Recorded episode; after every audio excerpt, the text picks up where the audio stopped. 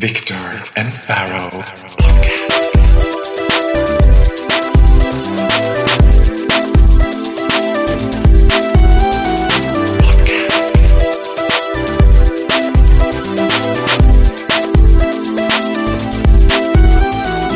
Victor och Faraos podcast. Välkommen till Viktor och Faros podcast. Avsnitt nummer 6. We're getting bigger! And bigger. Nu har vi lyssnare i hela världen förutom Afrika. Ja, men det kommer. Det kommer. Ja. Är, det- är, vet man att man har made it när man blir stor i Afrika? Jag kommer ihåg, Fråga Bono. Nej, men jag kommer ihåg när vi var på, vi var på i Etiopien en gång och spelade en, en video med Sugarplum Fairy. Och där var, eh, Beatles var stora där men inte Rolling Stones. De hade inte made it i Afrika än, i Etiopien. Hade ABBA det? Ja, det tror jag absolut inte. De som hade made it, de enda banden, eller den populär mus- musik från Europa, eller från väst, vad man ska säga, som de lyssnade på var Beatles och Bob Marley. Ja, surprise. Surprisingly. Vad menar du med det? Att han är Ja, svart? men Bo- det var inte alls det, men what on earth are you insinuating? Racist? Gud, det är så bra att vi direkt lägger ribban för liksom den politiskt korrekta touchen på hela den här podcasten. Ja. Du, eh, vi körde ju... Jag kör, förlorade ju... Jag körde, du Precis. förlorade din biloskuld med mig nu. Det har ju varit en, lite av en snackis här i podcasten. Många har undrat om du någonsin har åkt bil med mig. Nu har du det. Ja, och jag måste ju säga att jag blev besviken. Du kändes ju otroligt eh, stabil och straight bakom ratten. Ja men det är inte det, är det inte precis det som folk opponerar sig emot? Att jag känns så jävla straight när jag kör. Jaha, jag tror det, det var tvärtom, att du hade din egna lilla Pride-festival där i framsidan. Att jag bara Woo! Med, med blowhorn! Yay! Nej, jag kör ju så aggressivt, sugigt och ryckigt. Fast jag tyckte, jag tyckte du körde, det kändes som att åka bil med min pappa. Så det, det var perfekt hastighet, inte alls ryckigt. Det kändes som att du växlade, eller var det en automat eller? Ja.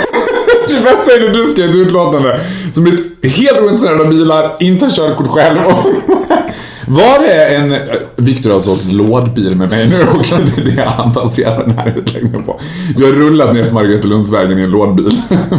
Eh, förra avsnittet så pratade vi ju ganska mycket om Måns Zelmerlöw och eh, lo and behold så blev du konfronterad av honom när han gästade Vardagspuls i TV4. Ja, alltså det var ju så roligt. Först och främst var det så att jag hade ju reflekterat över tanken att så här, vad skulle hända om han, vad ska, man ha, vad ska jag ha för liksom approach mot honom? För att han är gäst i programmet, det är ändå så här, och det är stort att få dit Måns.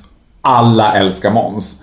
Och det hade varit så här lite i programmet att bara, ja men de var lite concerned över hur det skulle gå liksom att sammanföra mig och Måns. Och grejen var att det första som händer, jag blir så övertaggad också så jag är så nervös vad jag ska ha för liksom så här. Ska jag liksom, hej Måns! Eller ska jag liksom så här, ska jag, för det är också något så här, det jag också tänkt på så himla mycket när man, när vi har gäster som gäster i Vardagspuls eller Energy och sådär. Att man ska hälsa på dem typ ungefär som att man inte vet, vet vilka de är, vilket också blir så himla töntigt. Ja. Att man är på samma nivå, men han har ingen jävla aning om vem jag är, tänker jag. Men jag vet ju precis vem han är. Neither did I know. För Måns öppnar med att säga så här. Ja, jag har ju lyssnat på din podd. Oops. Tystnad.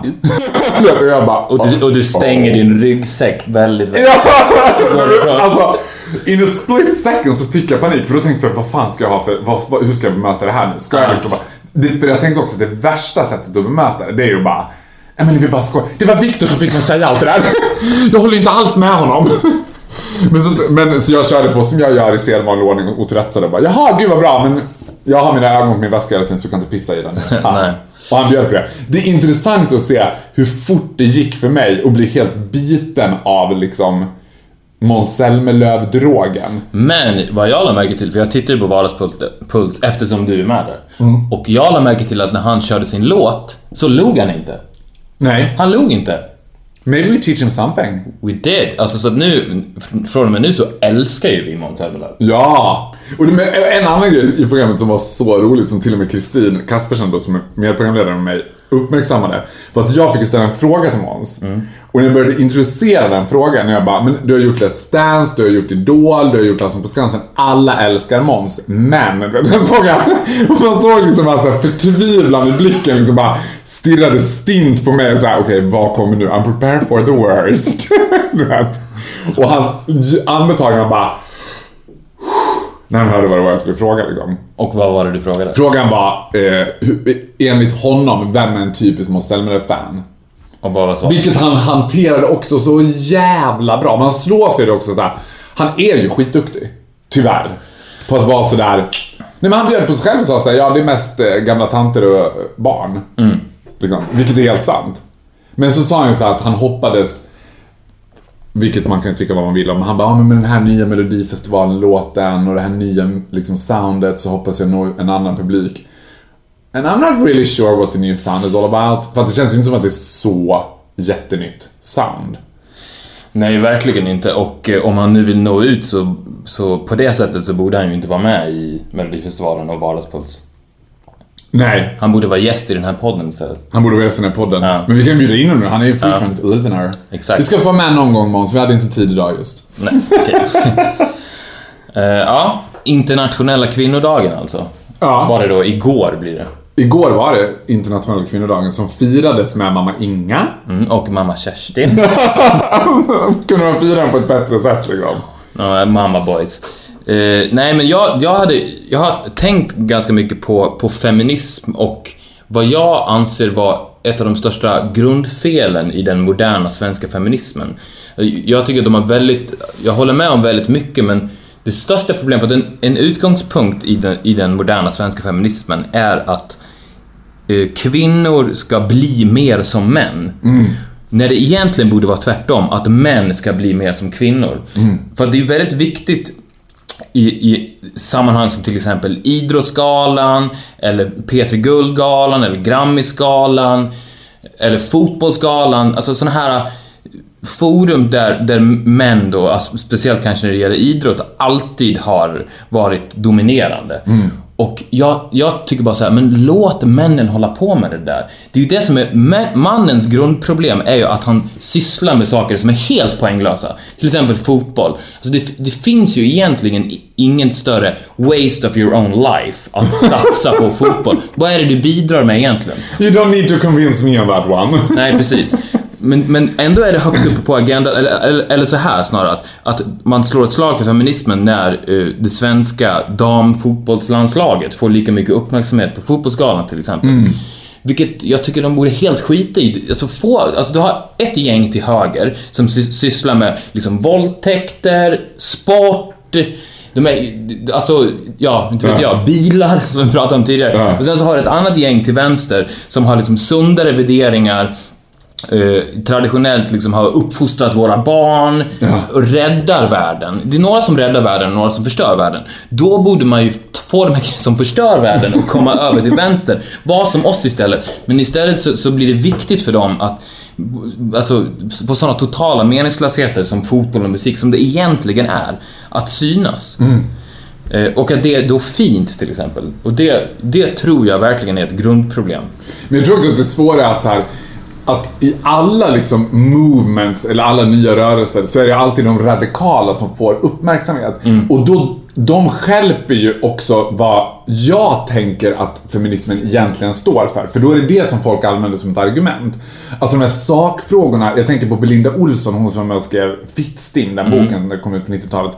Hon gjorde en dokumentärserie för ett år sedan som heter Fittstim, min kamp. Ja. Som skulle Som blev om väldigt bespottad. Ja, med all rätt. Ja. För det var som att hon belyste också, det var som att man kände såhär, alltså vet, ett helt avsnitt handlade om huruvida hon skulle få bada topless i, på ett badhus i Malmö liksom. Och upplägget, alltså dramaturgin i hela avsnittet var liksom att hon satt i en bubbelpool med en tjej som var topless och var så här. Nej gud jag vågar inte ta av mig bhn. Nej men gud, åh det här känns så dumt. Nej men gud, ah, nej men nu gör jag det. Ah, oj, oj. Och då tänker man såhär, ah, ett steg närmare jämställdhet. Samma sak med henne-debatten. Alltså, och då riktar man sig till Finland som inte har ett könspronomen. Nej. Och jag menar, hur långt har Finland kommit vad gäller, vad gäller genusmedvetenhet?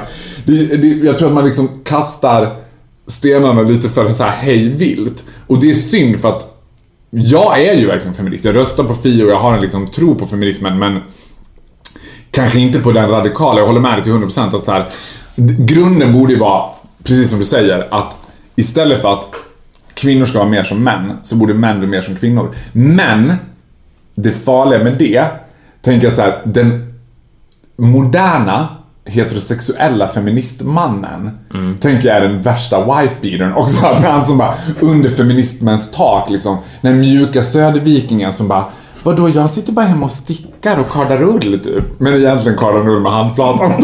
Jag tänker så här, det finns någonting som är så lite obehagligt med det också. Men Ja, men jag, som jag sa tidigare, alltså jag förstår verkligen inte eh, vad den här drivkraften är att men vi, vi vill också hålla på med det där. För att det, det, man måste ju se det att män, alltså tänk dig själv. Om, om bögar kunde få barn ihop och eh, eh, hela världen var bara bögar. Ja. Hur, hur många månader tror du det skulle ta innan världen gick under då? sex månader kanske? Ja. Max, minst med det. ja. Och jag tänkte också med den reflektion du sa med det här med sport. För att jag var eh, i höstas på min första allsvenska fotbollsmatch. Djurgården mot, ja vad de nu spelade mot kommer jag inte ihåg. Malmö FF kanske det var. Ja. Men det var Malmö, något sånt. Och jag stod och så här, var tvungen att hålla mig för skratt. För jag stod ju mitt i klacken i så här järnkamina.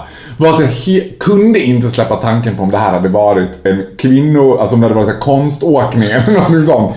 För att män i grupp kring sport blir ju djur. De är ju djur, de är totalt primitiva djur som bara står och vrå... Alltså, det finns en, när testosteronet får freebase åt alla möjliga håll och bara... Det är precis som att de bara står och vrålar vad som helst rakt ut. Och grejen är den att det är inte, man, man tänker också så att män blir så när de går på en fotbollsmatch. Ja. Det är inte heller sant. De är så. Ja. ja. De är så från början. Det är bara det, det, är, det är, alltså de går ju runt, en man, en vanlig man, han går ju runt 24 timmar om dygnet och håller det där tillbaka. Man måste tänka det hela tiden. Jag håller det tillbaka, jag håller det tillbaka, jag håller det tillbaka. Där är det en arena där han kan släppa ut det. ja. Men är du feminist? Eh, ja. Jag vet, alltså, jag vet inte ens vad det betyder, men ja. Då är det Eller nej. ja eller nej. Bara, jag vet inte vad det betyder men ja, eller nej. Alltså jag vet, jag hatar män, men jag vet inte om jag är feminist. Men jag, kan, jag, jag jag att hatar män, jag älskar kvinnor, men...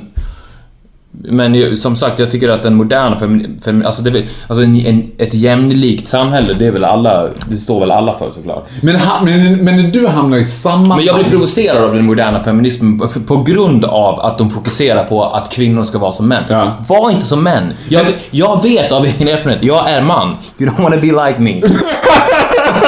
Gud vad fint sagt. Men hur reagerar du då när du buntas ihop med den typen av män? För att en sak som jag också så här konfronteras med när jag, jobb, jag jobbade för, innan jag började med allt möjligt annat skit som jag gör, så jobbade jag med barnsexhandel och trafficking.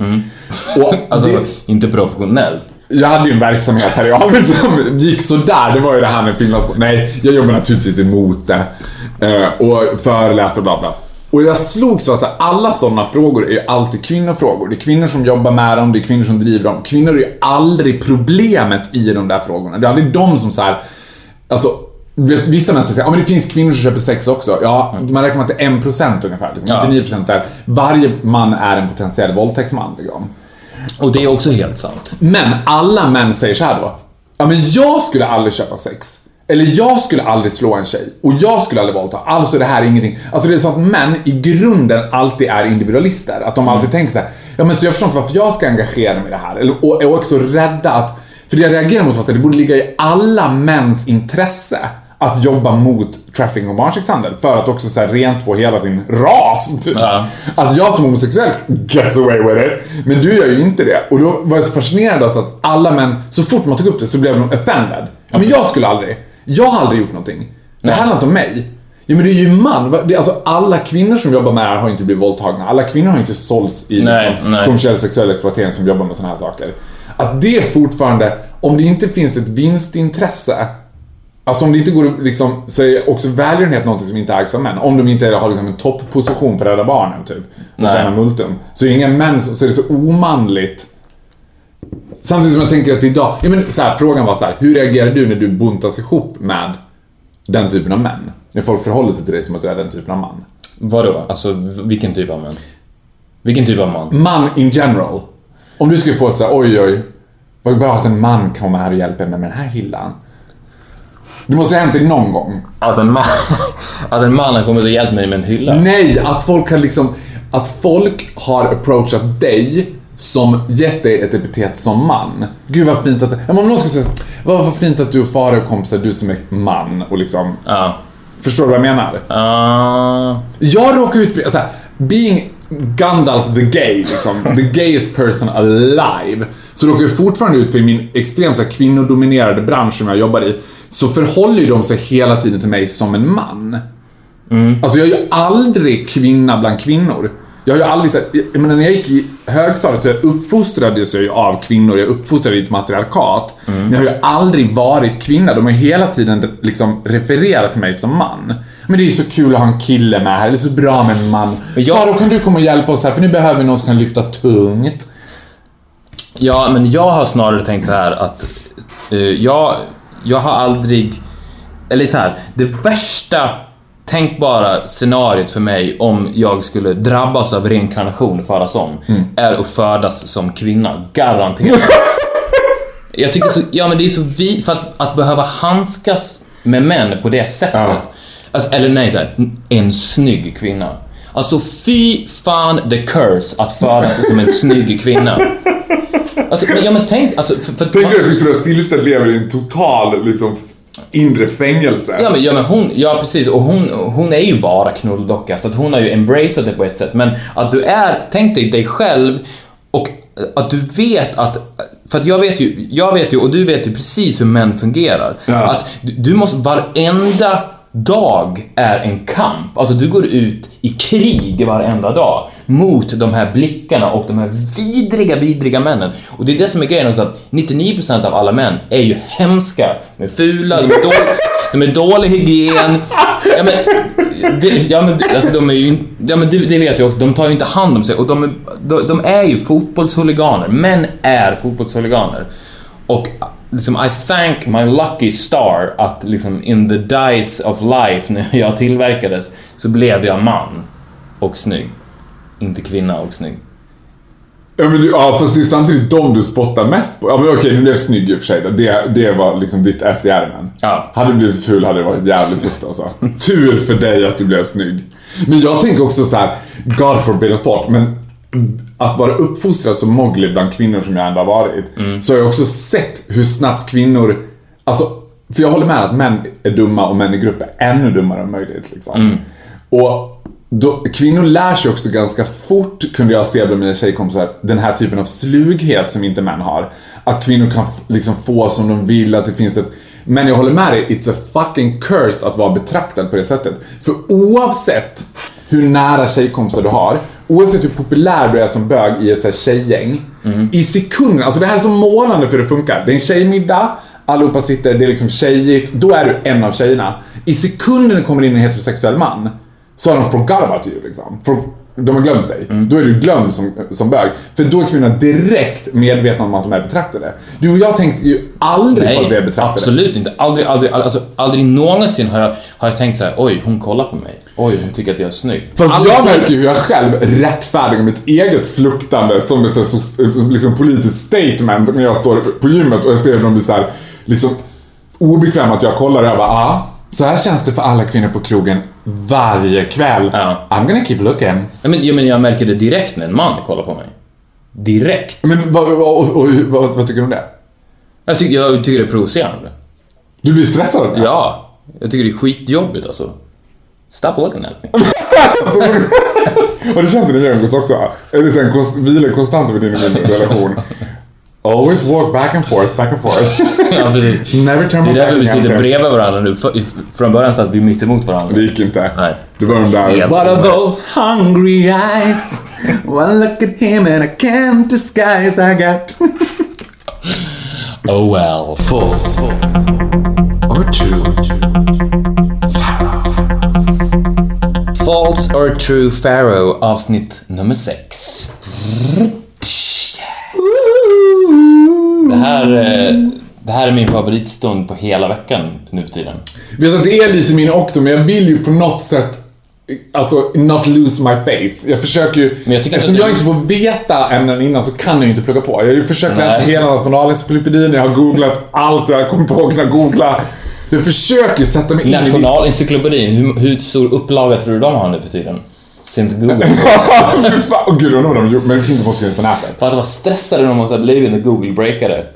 Ja men du vet vad, på tal om det såg jag att Wikipedia is going down. Ja, det såg jag med. Har du sett det? Att såhär, Ja. såg någon De ber om pengar. de bara Kan du sätta in 100 kronor snälla?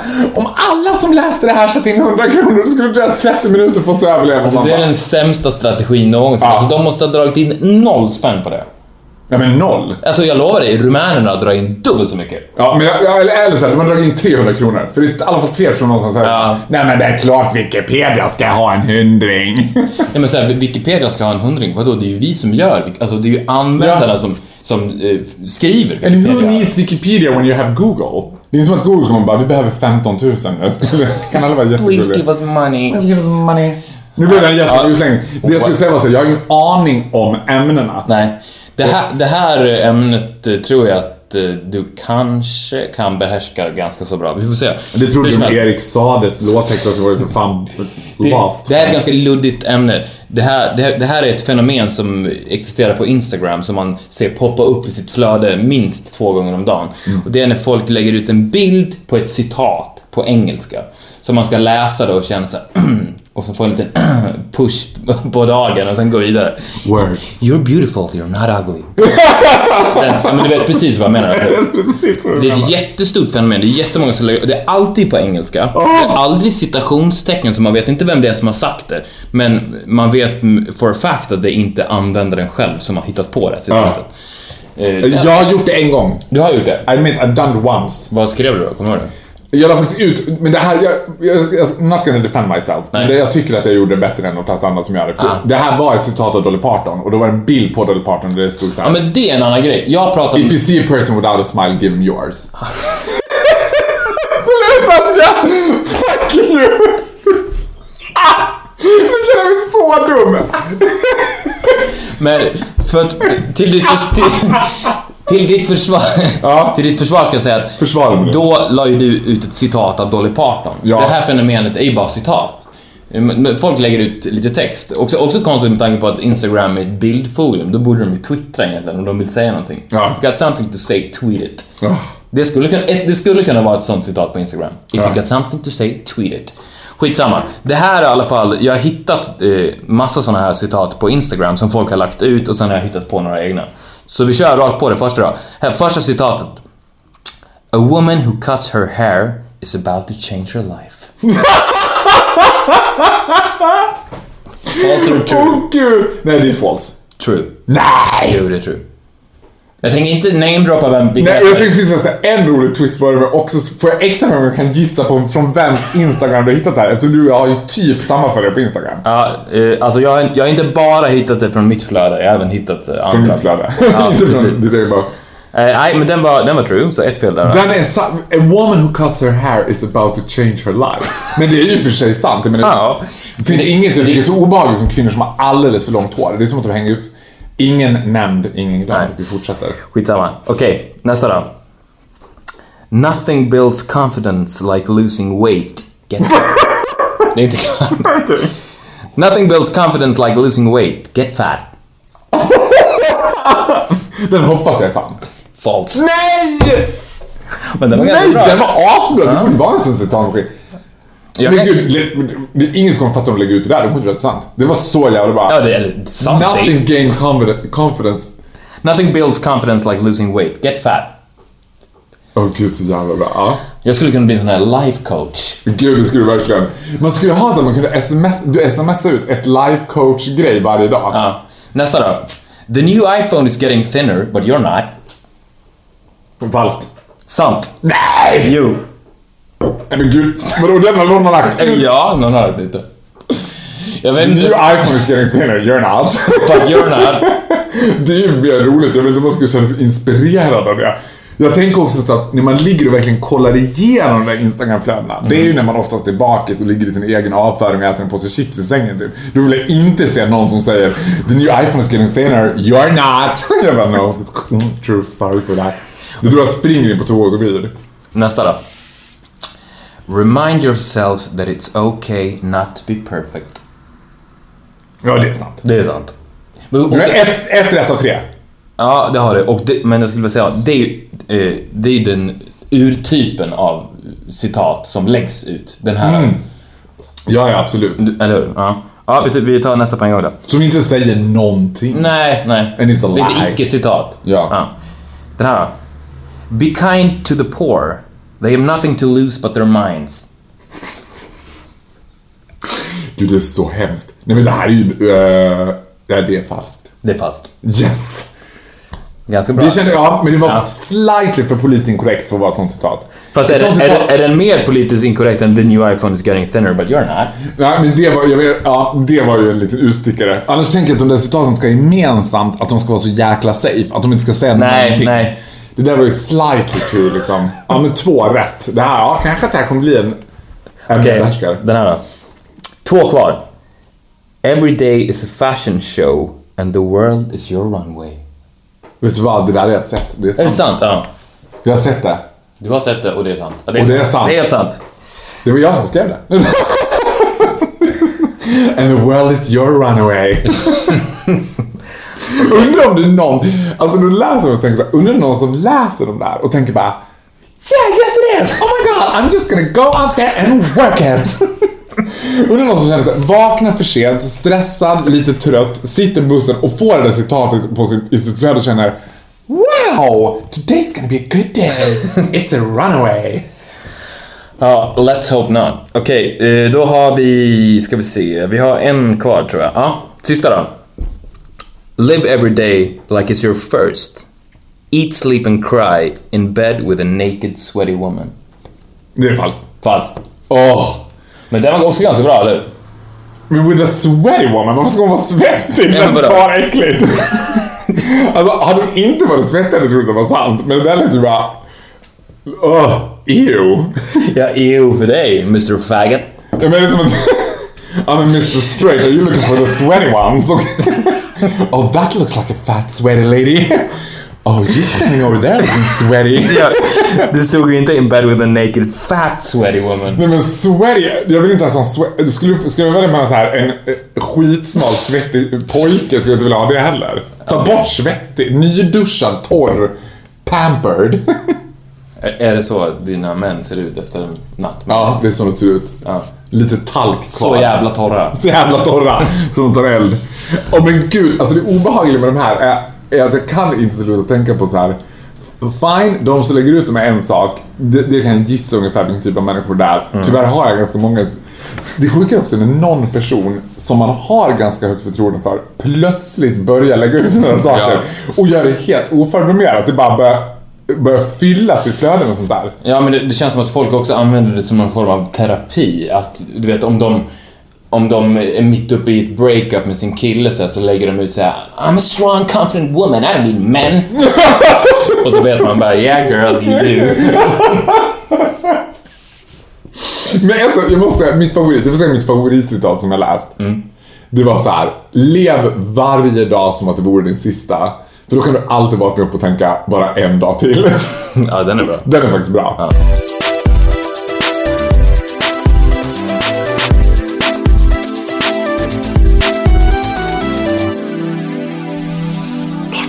Jag tänkte på en sak häromdagen. När jag åkte tunnelbana så kom så här biljettkontrollanter in.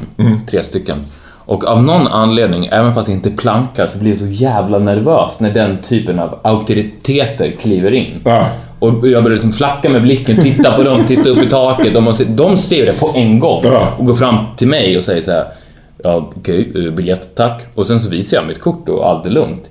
Men det är så intressant, alltså att det känns som att en typ av människor blir väldigt nervösa när SL-kontrollanterna kliver in och en annan typ av människor blir så här.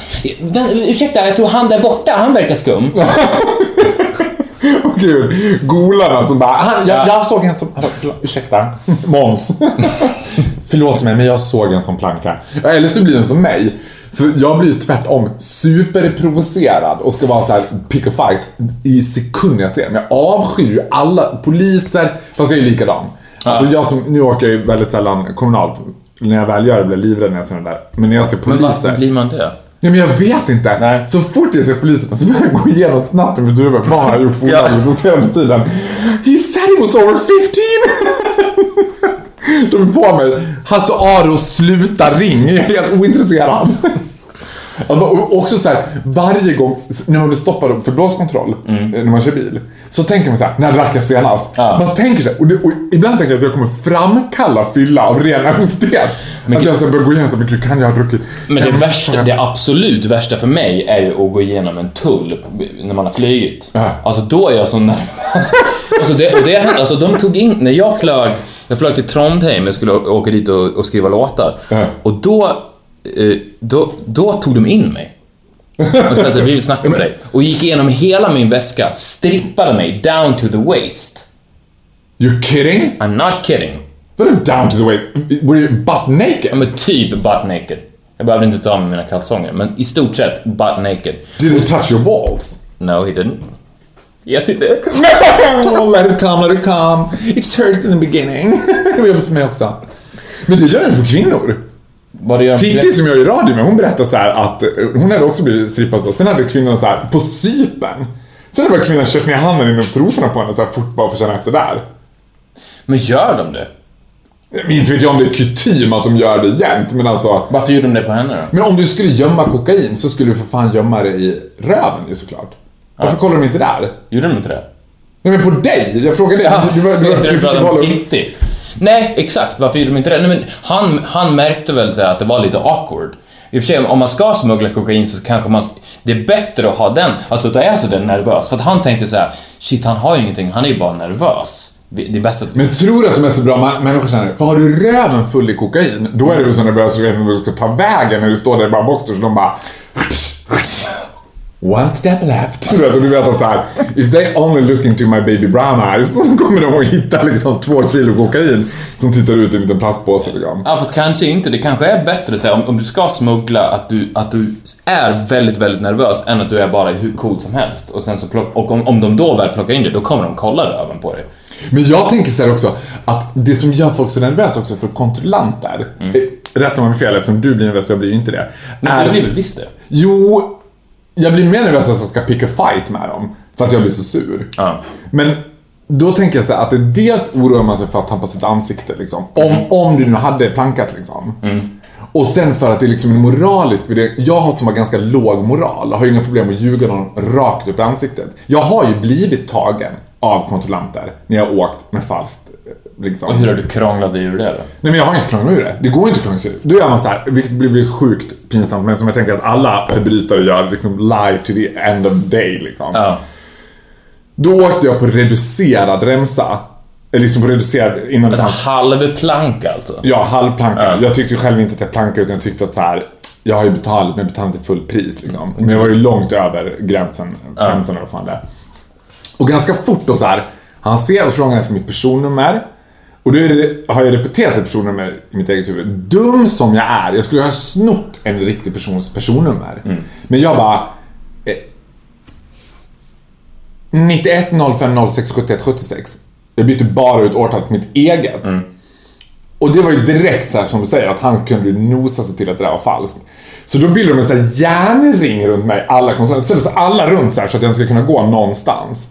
Och så har han något system, där han, alltså uråldrigt system egentligen. Man tror att han ska ringa upp liksom till Skatteverket något och bara se, finns det någon som har det här personnumret?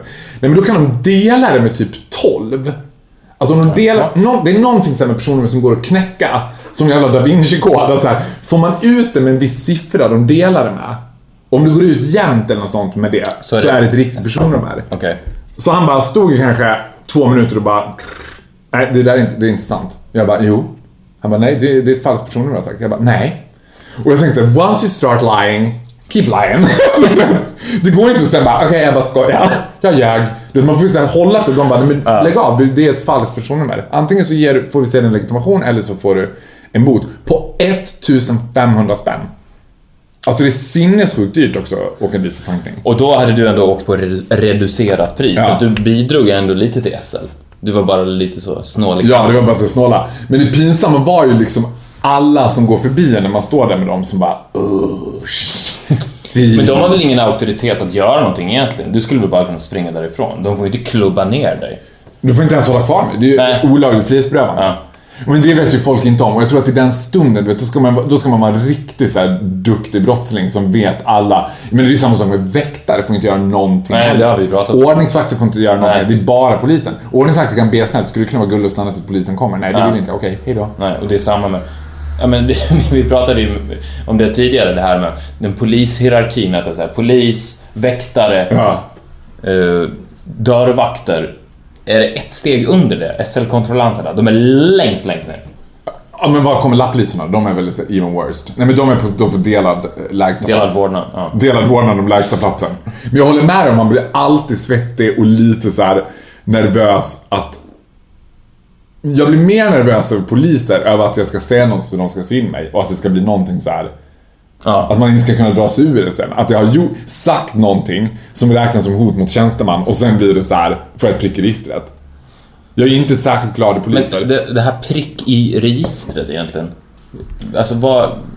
Nej men det är också diffust. Det är ju ingen som vet vad det innebär. Nej, och vad, vad, får man... Är det en prick? Alltså, alltså att de prickar? Att de tar Någon en penna och sitter, gör någon en sitter med sån där bingopennor och bara... Eh, Viktor Norén 85, där har vi honom. Där blev en prick. Den pricken såg det inte ut. Nej. Men jag vet inte, och jag vet inte var gränsen går för en prick. Om det är en betalningsanmärkning, får- det får man en prick för. Man kan få tre prickar, sen vad händer sen? Då åker man in eller? Vi har inte det systemet. Three strikes you're out. Är det inte så? Nej, Kan man ha hur mycket prickar som helst? jag tror det. Ja, men det är något att man inte får ta lån, det är något krångligt med.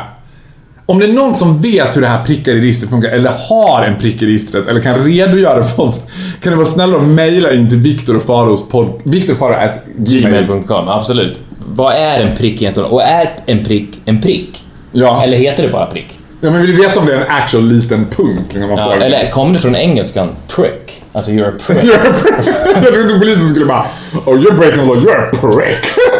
I'm gonna give you a prick man. I'm gonna prick you. Ja, men gör det. Meddela oss. Vi vill väldigt, väldigt gärna veta Vi är det. väldigt nyfikna. Hej.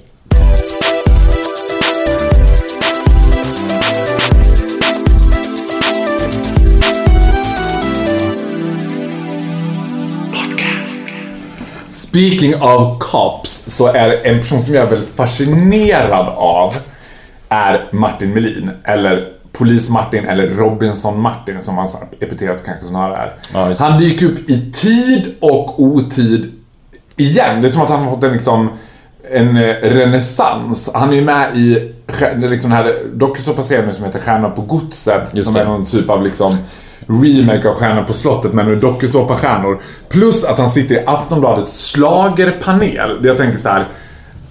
De måste ringa in honom på allt. Och det, det som jag fascineras över med honom är att Dior, som jag jobbar på, är ganska restriktiva med vad jag får göra utanför Dior. Ja. Att de vill så här att det ändå ska kunna representera varumärket. Blir man för mycket en offentlig person ska det kunna gå i linje med varumärket. Ja. Ett av Sveriges mest ifrågasatta varumärken och mest offentliga varumärken är ju polisen. Och jag tänker så här, man ska också veta att polisen gör ju så mycket mer än bara står och stoppar fartsyndare. Liksom. Det är också de som lämnar dödsbud om någon dör i en bilolycka. Alltså chansen, alltså tanken. Men, tror, men tror du att de skickar ut Melin på den typen av uppdrag? Nej men det måste ju vara så att han, nej men han, grejen är, det, alltså det som fascinerar mig med Martin Melin, han är inte för detta polis. Han är up and running polis as we speak. Han jobbar... Ja. Menar, Men han måste, han måste ju vara jävla- så hatad på den stationen han jobbar. Ja, eller så är de så dumma som bara tycker det är så coolt. Men ja, mest, alltså förhoppningsvis är han det. För det, Ja. skulle, alltså, det, måste vara så många grejer som han bara, nej jag kan inte göra det, de känner igen mig. Nej jag är ledsen, jag kan inte göra det. Nej. Alltså tanken var att man skulle sitta hemma, polisen ringer på dörren och man ska få veta att liksom, någon nära anhörig har gått bort i en bilolycka. Och det är Robinson Martin som bara Hej! Alltså det Ja. känns helt- Polisen måste vara medveten om det, att han kan inte, eh, eller vara brottsling och bli så tagen. Jag bara, jag kan inte ta det seriöst. Du får ta någon annan, jag vill inte bli förhörd av det. Jag kan inte ta, det här känns helt oseriöst. Ja, vi börjar förhöret. Eh, Martin Melin håller förhör här med äh, Hagamannen. Ja, Men det känns som att Martin Melin, eh, alltså så fort det kommer in ett brott så, så, så kollar han ju bara, okej är det ett Instagram moment? Ja. Alltså, ja, ja, det är, han ska rädda en katt till något träd. Liksom. Ja, men det då, känns- då kan han åka ut. Ja, det känns, det, ja, men det känns som att polischefen också bara sådana saker de går igenom. Ja. Det är någon som säger, ja men någon behöver vakta Barnens dag i Haninge. Ja men det kan Martin Melin göra för han är så omtyckt och offentlig. Liksom. Men allting som är så grävande polisjobb skulle kännas helt sjukt att han skulle göra. Ja. Och det måste jag vara medveten om själv. Sen kan jag inte låta bli att tycka att det är kittlande att han också ägs 100% av Camilla Läckberg. Ja. Jag tror att hon har tatuerat någon sån här copyright-symbol i svanken på honom som en trampstamp. Är- Tillhör Camilla Läckberg typ. Hon äger hans bostad, hon äger hans bil. Jag tror att hon betalar någon form av månadspeng till honom också. Ja. Camilla, det är lite sorgligt just nu. Ja, men Martin gubben, då så mycket behöver du. Det måste kännas alltså, så här. Därför måste han också acceptera helt och hållet att hon har moved on och träffat en, hel, en mycket yngre kille än honom. Och så här. En male bimbo, en mimbo. En mimbo. Det var också så att nu i fredags var jag på Let's Dance med mamma. Och filtrera allting genom min mor är ju guld. Allting som kommer ut ur hennes mun är liksom guldcitat. Plus att hon också är helt oförberedd. Hon är inte särskilt tjusad och kändisar och pratar lite för högt. Det är alltid roligt såhär, vara och mingla i VIP-området med mamman och hon bara, "Nej, men där är ju han som är alkoholiserad. Nej, han är inte alkoholiserad. Han är psykiskt sjuk Farao. Det är det han är, psykiskt sjuk. Men hon är fortfarande tillsammans med honom. Jag undrar om inte han slår henne alltså. Slightly för högt. Då är ju den här Simon Sköld, Camilla Läckbergs nya kille, med i Let's Dance. Jag hade ingen aning om det här. Och var såhär, men vem är den där killen liksom? En barnprogramledare, vad är det han gör liksom? Ja men då fick jag veta att han var så MMA, han håller på med MMA. Är det det han gör? Ja, I guess. Typ Ultimate Fighting eller det heter. Ja. Men han, sen hur stor stjärna han är i MMA vet jag inte om han, är, han liksom... Men sen gjorde de en så här liksom gimmick kring eh, 80-tals TV-showen Här är ditt liv. Vet du, kommer du ihåg den? Ja. Och då, så att han sitter i en soffa och så här, så här, ah, men du och Camilla har varit ifrån varandra i en månad nu, här kommer en hälsning från henne. Och så var en hälsning, hon var i Thailand. Och så sa David Helén så här, men vad skulle du säga om Camilla var här? Och så kommer Camilla Läckberg ut. Och då trodde jag först att det var hans mamma. Att det var så här, för jag visste inte att det, jag visste att Camilla Läckberg hade en mycket yngre kille. Men grejen är att, alltså för de som har sett Simon Sköld, eller liksom pratat med honom, han ser ju inte bara ung ut, han beter sig också superungt. Ja. Alltså det är så här, du vet, all heder till en kvinna som träffar en yngre kille. I wanna do that when I get older. Men ett barn, I'm not sure about that. Där tycker man att Martin Melin i sin polisroll kanske skulle step in och bara, is it even legal? I'm not sure, I'm not sure. Och sen var det kul att säga att Camilla skulle defend herself under Let's Dance då. För att hon har ju fått onödigt mycket skit. Jag tycker att så här. Vadå, vill hon ha en yngre kille? I don't blame her. Who wouldn't at that age? Ja, Han känns ju otroligt köpt ju. Simon. Alltså jag också så här, visst, det, jag tycker det är fint när det blir tvärtom. Att, att hon är den framgångsrika och han är den dumma, liksom snygga, unga personen som, ja, en golddigger. Det är ju det skulle inte det tillbaka till det vi pratade om med feminism nyss? Att så här, är Camilla Läckberg feminist då som skaffar sig en yngre kille när alla patriarker skaffar sig en yngre kvinna? Nej men hon, hon, är ju det, hon gör ju samma fel som alla vidriga män gör då kan man ju säga. Ja, för det, man, alltså det, det jag inte kan låta bli att konfronteras med, och det här kanske känns som ett utmatat argument för att som sagt Camilla Läckberg har ju fått asmycket skit för det här.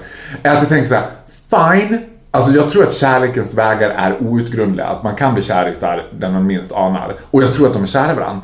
Men man hoppas ju att de ska ha ett intellektuellt utbyte och det måste lysa med sin frånvaro. Camilla Läckberg känns ju ändå ganska vettig. Gör hon verkligen det? Eller hon Nej, hands down, det kanske hon inte gör. Nej men nu, nej precis, de kanske, de, De kanske är på samma nivå. Ja, för det slog mig att hon faktiskt varit tillsammans med Martin Melin Precis, också. hon gick från Martin Melin. Alltså, det var inte som att hon bara gjorde... Det hade varit konstigt om hon hade gått från så här Jan Guillou till att bli tillsammans med Simon Sköld. Liksom. Hon gick ju från ett så här... Men det var väldigt intressant också hur hon skulle försvara sig då, eller liksom... Eh, embracea att hon var tillsammans med en yngre kille genom att vara så här, försöka få igång Tony Irving och de andra bögarna så här. Ja, men jag ser vad du tänker och gå hem med den här lilla rumpan, den är min, du vet. Och alla bara ew, this is nasty. I'm not a kitty fiddler. I'm not a cradle snatcher, I would never. Ja, men jag önskar att Martin Melin, jag vet inte om han ska sluta som polis eller sluta som dokusåpastjärna. Jag vet inte vad han gör störst nytta. Men tror du att han fortfarande jobbar som polis? Jag tror... Jag vet! Nej men, jag, men tro, jag tror att det finns en teori också som kan vara så att han har fått tillåtelse att fortfarande bära uniformen ibland. Alltså för att, att, att, nej men att polis, polischefen kallade in honom och sa såhär Martin, du kan, du kan inte jobba kvar här." och det förstår ju du själv också. Ja. Och han bara, men kan jag inte få behålla uniformen i alla fall? Och så fick han det. Och sen så Okej. ibland bär han den. Du, du får ta uniformen. Ja. Nej, ja, mest, mest troligt så borde det vara så, för jag tycker det är så märkligt Alltså med så andra yrken liksom. Alltså, tanken bara på att så här, eller, eller så resonerar polisen så här, att polisen ska spegla samhället, att det ska vara liksom, att man kvoteras in som dokusåpastjärna numera. Det kanske är att de tycker så här, istället för att åka ut på en barturné med Micke Birkenstierna så får de så här bli poliser. Fast han har väl alltid varit polis, eller? Jag var ju polis innan. Ja, och sen, ja, sen tog han ett break och sen blev han polis. Ja, gick han tillbaks till polisyrket när Läckberg dumpade honom? Nej, han har alltid varit polis. Ja, han har alltid varit han polis. slutade aldrig vara polis. Nej. Det är det som var så här, alltså han fortsatte. För jag tänker så här, jag vet jättemånga jobb där man inte förväntar sig att det skulle vara så. Där de har som en sån här klausul i anställningsavtalet att du får inte göra dokusåpor. Mm. Alltså jag förstår att som jag som jobbar med TV och radio, där är det jättemycket liksom vad man får göra och inte göra på grund av konkurrerande verksamhet. Ja. Men, men i andra jobb som jag har haft, där det handlar om att vara en offentlig person, om du jobbar i en butik till exempel. Det finns ju så många butiker, jag tror till och med H&M skulle ha så här, vi vill helst inte ha några före detta dokusåpastjärnor. För att då ska H&M som varumärke stå bakom och säga, men jag såg att hon från Paradise Hotel jobbar i det där varuhuset, du vet så. Ja. Men han var väl, var, han har alltid varit polis? Ja, han var ju polis innan. Innan, till och med innan Robinson. Innan Robinson. Polis, ja. ja, det är konstigt att han fortfarande är kvar. Var jobbar han någonstans? Var ska man liksom undvika? Ingen aning. Ingen aning. Nej. Någonstans i stan. Men jag tänker så också, men det är ju svenska anställningsavtal, det är ju så sjukt svårt att bli av med någon också. Man kan ju inte sparka någon för att Nej, han, nej. Han, han är för mycket på Instagram, han fick sparken. Han är ju inte, han är fortfarande som en offentlig liksom, medieperson ganska safe. Ja. Han uttalar sig inte, inte gör inga klantigheter liksom. Martin Melin. Martin Melin, get yourself together. Det vore väldigt kul om Martin Melin blev tillsammans med en sjukt mycket äldre kvinna. Bara för såhär, Camilla, right back at ya. Ja. I'm a guilt fucker now.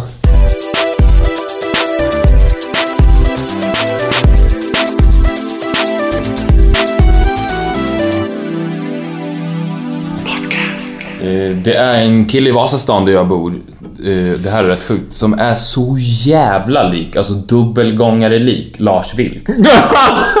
Den skånska konstnären som gjorde de här Mohammed-karikatyrerna. Åh, Och, what a dream. och där, det känns ju... Alltså, det, du kan ju inte vara... Det, det måste vara den sämsta personen just nu i hela världen att vara lik Lars Vilks. Ja. Och, och han, det känns ju som att den här killen utsätter ju hela Vasastan för fara. Du lever i ett högriskområde just nu. precis. Vad du inte vet att det ligger snipers på alla tak och är beredda att de kan slå till när som helst. Ja, men jag, och jag tycker så synd om honom också för att han måste ju vara livrädd. För att alltså han är... Det, det är inte Lars Vilks, det kan inte vara Lars Vilks. För att han bor inte i Vasastan. Men han är verkligen en kopia av honom. Och då tänkte jag så här. Vem i världen skulle du mest av allt inte vilja se ut som? Och, och Lars Vilks måste ju vara up there, i alla fall nu.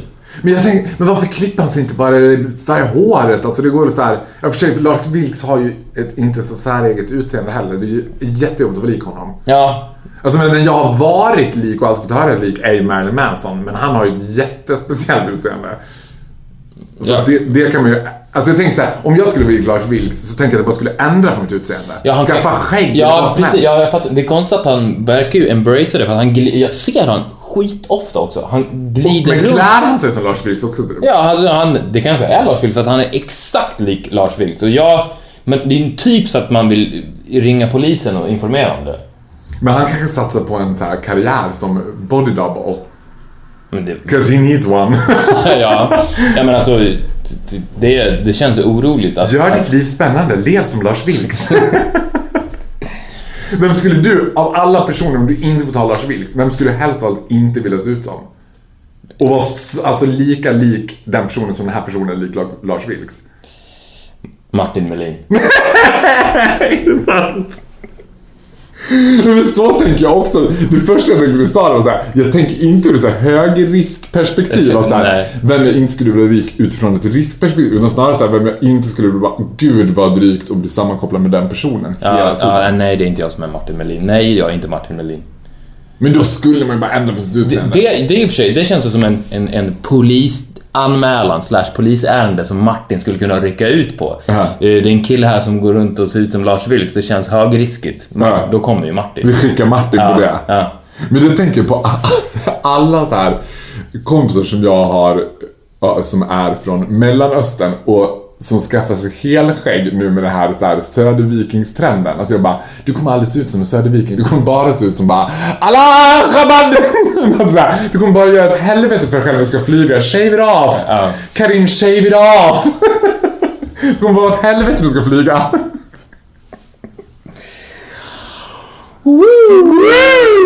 Vi håller en väldigt hög politisk korrekt nivå på det här pro- programmet som ni vet, eller på den här podcasten. Podcasten.